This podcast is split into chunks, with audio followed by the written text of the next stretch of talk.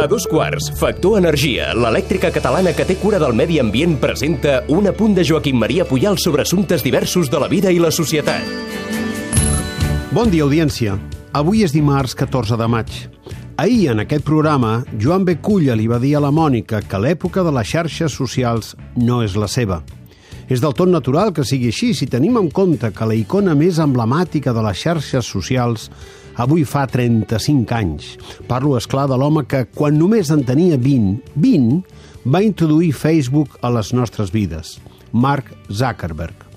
Multimilionari amb les dades de mig bon a la butxaca, ara ha rebut un regal enverinat del seu amic i exsoci, cofundador de Facebook, Chris Hughes, un article al New York Times del qual ara reproduiré algunes frases.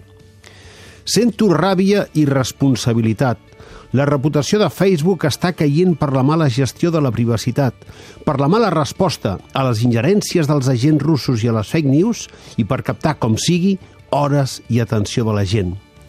Zuckerberg és humà, però tenir un poder sense control és problemàtic. Ell té plataformes molt poderoses com Facebook, Instagram des del 2012 i WhatsApp des del 2014.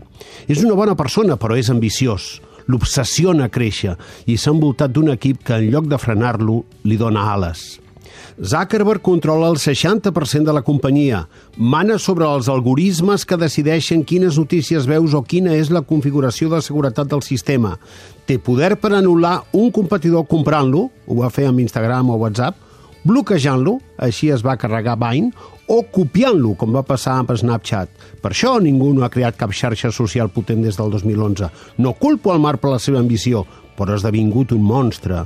Facebook controla els continguts, el 2014 afavoria el clic sensacionalista, el 2016 les fake news i el 2018 els assumptes de política i crims. I ha acceptat que esborrant missatges privats d'usuaris. Quan Zuckerberg va compareixer al Congrés l'any passat, va fer creure a tothom que els legisladors que l'interrogaven són vells, que tenen poc contacte amb la realitat i que ni saben de tecnologia ni saben com reorientar Facebook. Facebook val mig bilió de dòlars i aplega el 80% dels ingressos de les xarxes socials de tot el món. No té competència.